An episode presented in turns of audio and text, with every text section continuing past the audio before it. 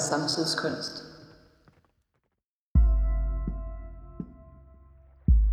Velkommen til podcast for samtidskunst.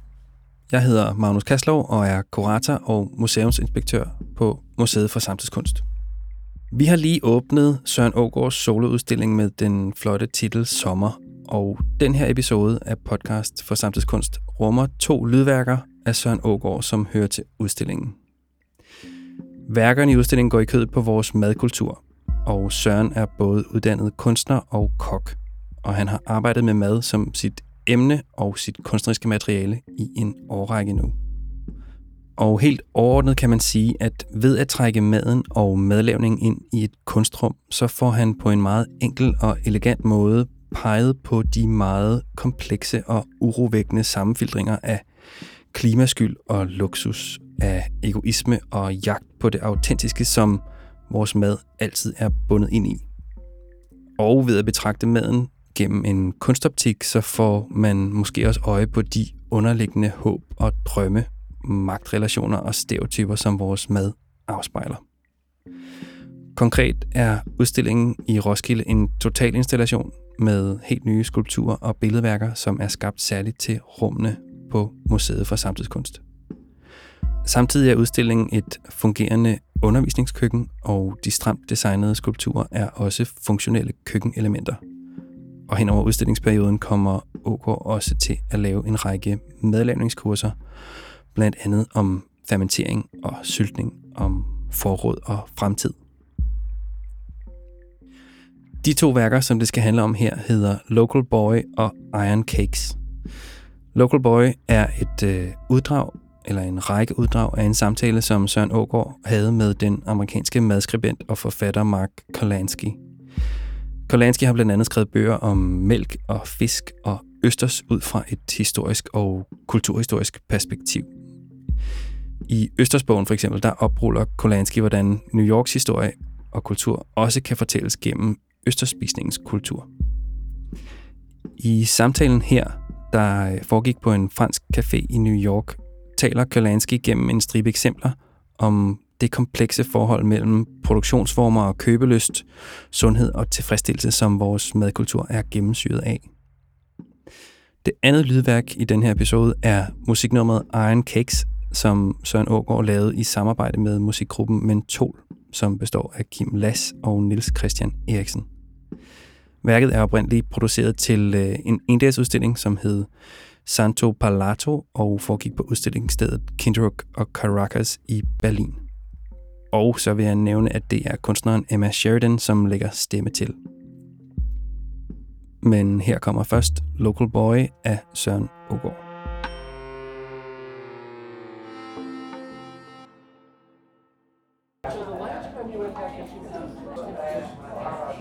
A big mistake that cities make is that they don't respect the ecosystem that they're on.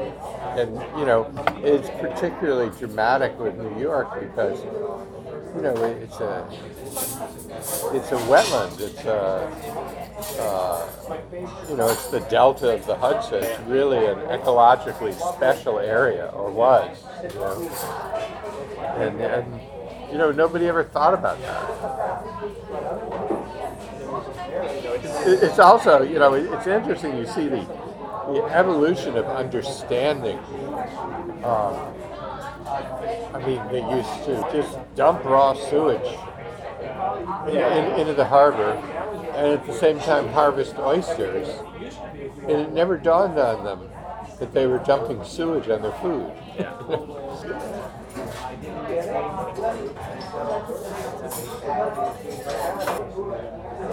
It's also striking you think that most cities are built on some body of water, and in almost every case they fail to take care of that water. The water was the reason they were there, and they never, you know, London, Paris. Somebody told me it's kind of funny in uh, where the Thames runs through Essex. They built some nuclear power plants and the oyster, Essex is famous for its oysters. The oysters got much bigger. Built the nuclear power plant. Uh, probably just because it heats up the water.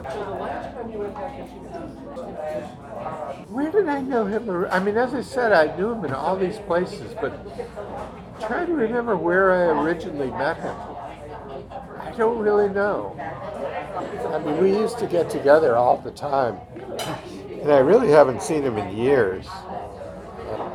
He has a serious collection of Haitian art, which I think is stored in Denmark. Uh, I was in a Jørgen Leth film once. What is it called? It's about Americans. I think all I say is I'm Mark Kurlansky and I'm a writer in New York or something like that. And my daughter, my, my wife and daughter were, and my daughter was about less than a year old. She was a baby when she was in this thing. She's 15 now, so it was probably 14 years ago. Yeah, it was in the, in the 19th century. A good restaurant in New York was always French. I mean, actually, the idea of having a good restaurant in New York that's anything other than French is a relatively new concept. I mean, really, even when, it, when I was a kid, all good restaurants in New York were French. Uh, you know, and they had no good Asian restaurants or maybe some Italian. But I don't even know if they had, I mean, they had a lot of Italian restaurants, but I don't know if they had any upscale Italian restaurants. If it was, if it was an upscale, expensive restaurant, it had to be French. Diamond Jim Brady, he was one of these uh, self-made men, you know, who didn't come from a fancy background. And, you know, he, he really thought that gluttony was a sign of wealth. I think that if it's a problem, you should find the problem and fix it, not boycott. You're like farm fish. Farm fish is really bad. So you should find out, understand what's wrong with it and fix it. You know, to just say no farm fish, that's like a rich people solution. I'm doing a book about milk. And, you know, GMO, I can find no scientific argument that GMOs are harmful. You know, which basically based on the assumption that companies like Monsanto are evil, which they are, you know, and so it must be bad. But there's really no evidence. And, you know, I think that what they should be doing is find out if there's something wrong with it and fix it. Because there's a lot of things that GMOs do that are really good, like insect resistant crops with no pesticides, all, all kinds of solutions. I went to this place in Colombia uh, where they were growing sugar, and they had some kind of GMO sugar that uh, grew all year round. I mean, the big problem with sugar, why sugar just creates misery, is that it's seasonal. And half the year, it's called the dead season, there's nothing for anybody to do. They just lay everybody off.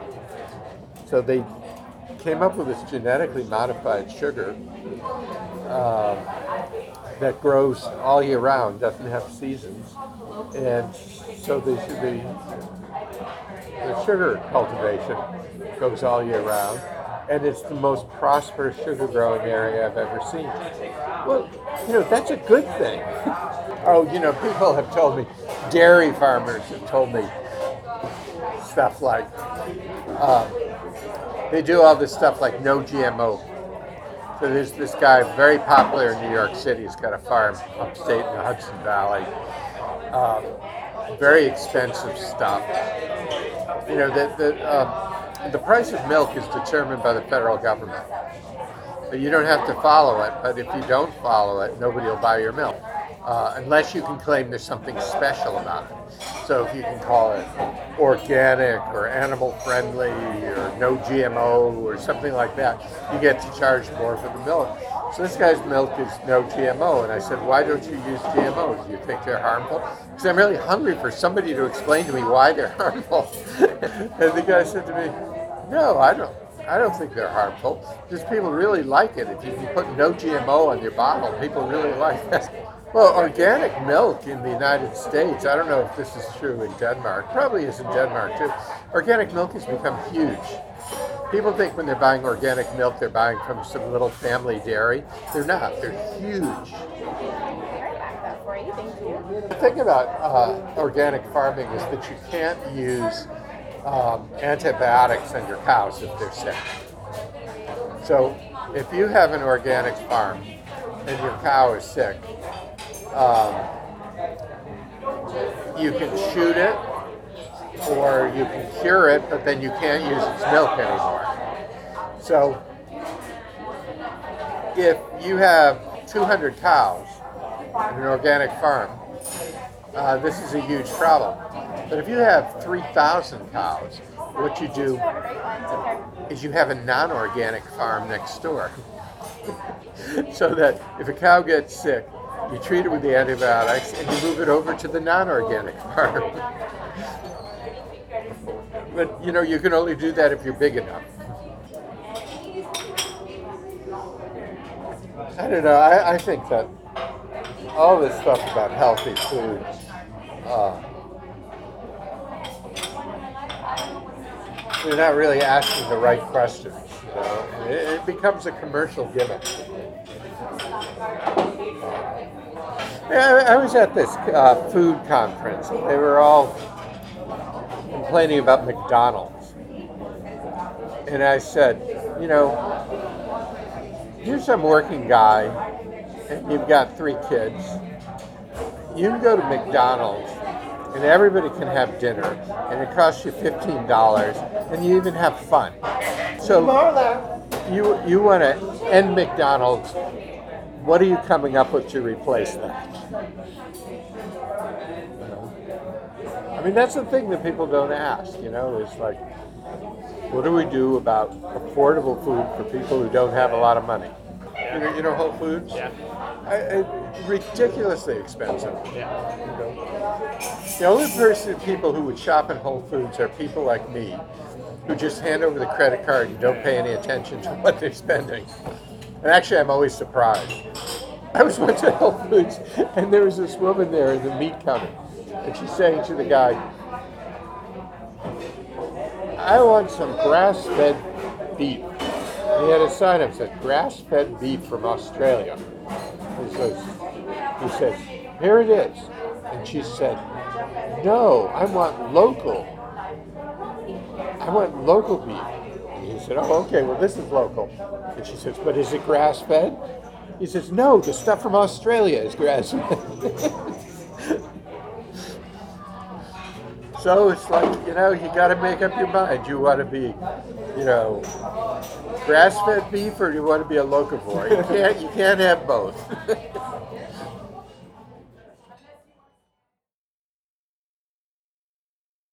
When I think about the things I love, aside from my friends and family, I can list them like this food, art, design, typography, cooking, writing, literature, playing in the ocean. I'm introducing something new and I think pretty cool. It's Quotable Fridays. I'm going to choose a cool quote which may or may not be food related, and I'm going to make an awesome poster for you to download and put on your walls, in your cube, your locker, or your car. That would be crazy cool. Anyway, everyone loves freebies. I love printables, and I love people who say awesome and witty things that are worth quoting. If you have a quote that you'd like turned into a poster, let me know in the comments. This first one is Dwight MacDonald, a pretty interesting guy. A mid 20th century writer, editor, social critic, and philosopher. I love what he had to say here. A person of taste is someone who looks at a sausage and thinks of Picasso. What a delightful image. I'll leave you with that and the poster for the weekend. Have a great one. X.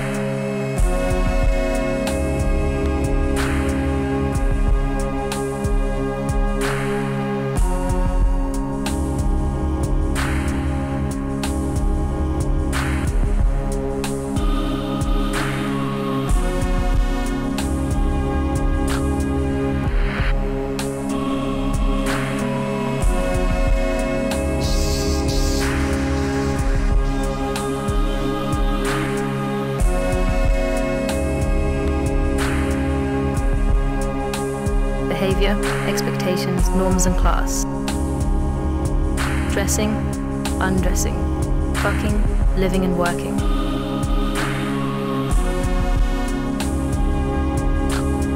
Health is something we pray for. Poetic poetry, lifestyle, small cups of latte. Children with quinoa in their heads.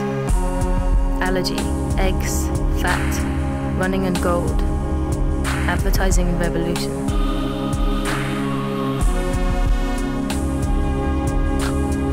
Western society morphed into an edible substance. Iron cakes.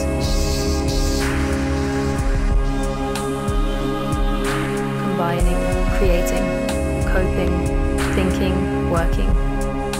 So who am I? My husband. Intuition and easy living.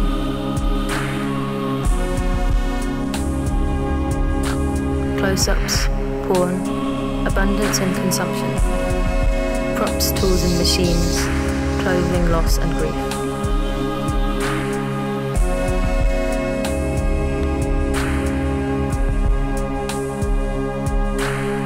Foreverness, center, end.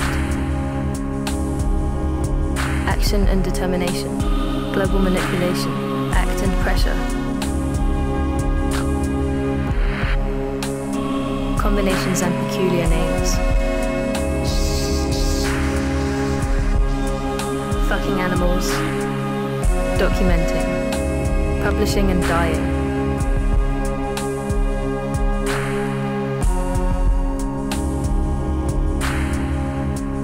Purified, estranged, ideal.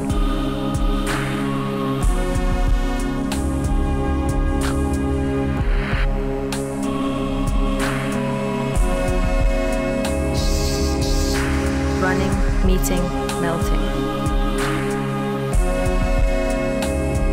Touching and drinking. Conversation, art.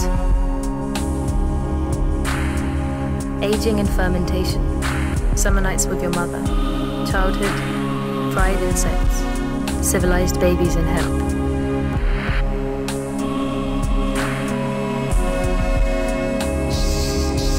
Error, research, and love.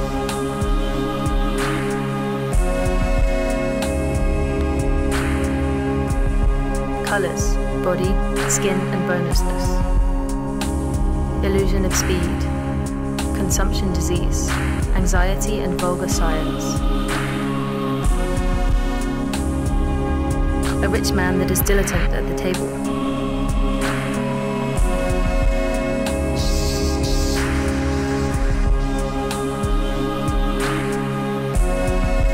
When gesture becomes history, transformation, and drugs that work.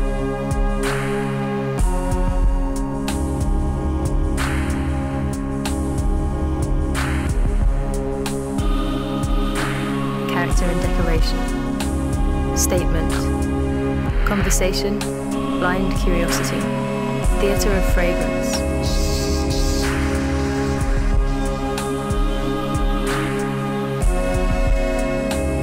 Children that eat their parents. Banality and roots. Survival, desire, and social life. New trends.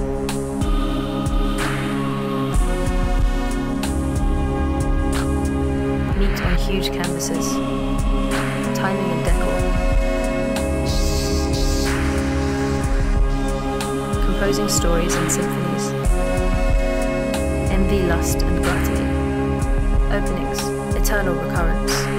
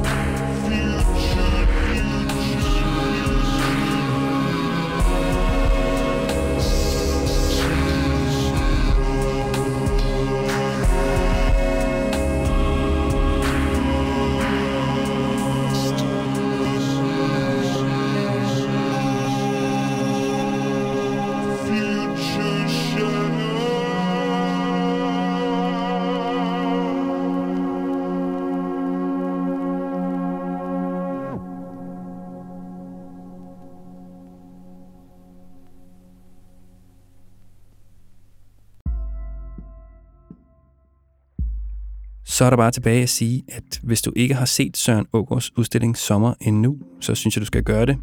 Den løber hen over hele sommeren frem til september. Og du kan også melde dig til et af Ågaards medlemskurser på museets hjemmeside, som hedder samtidskunst.dk.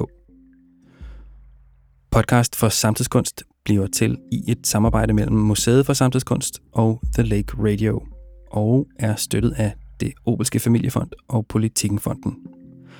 Mit navn er Magnus Kaslov. Tak fordi du lyttede med.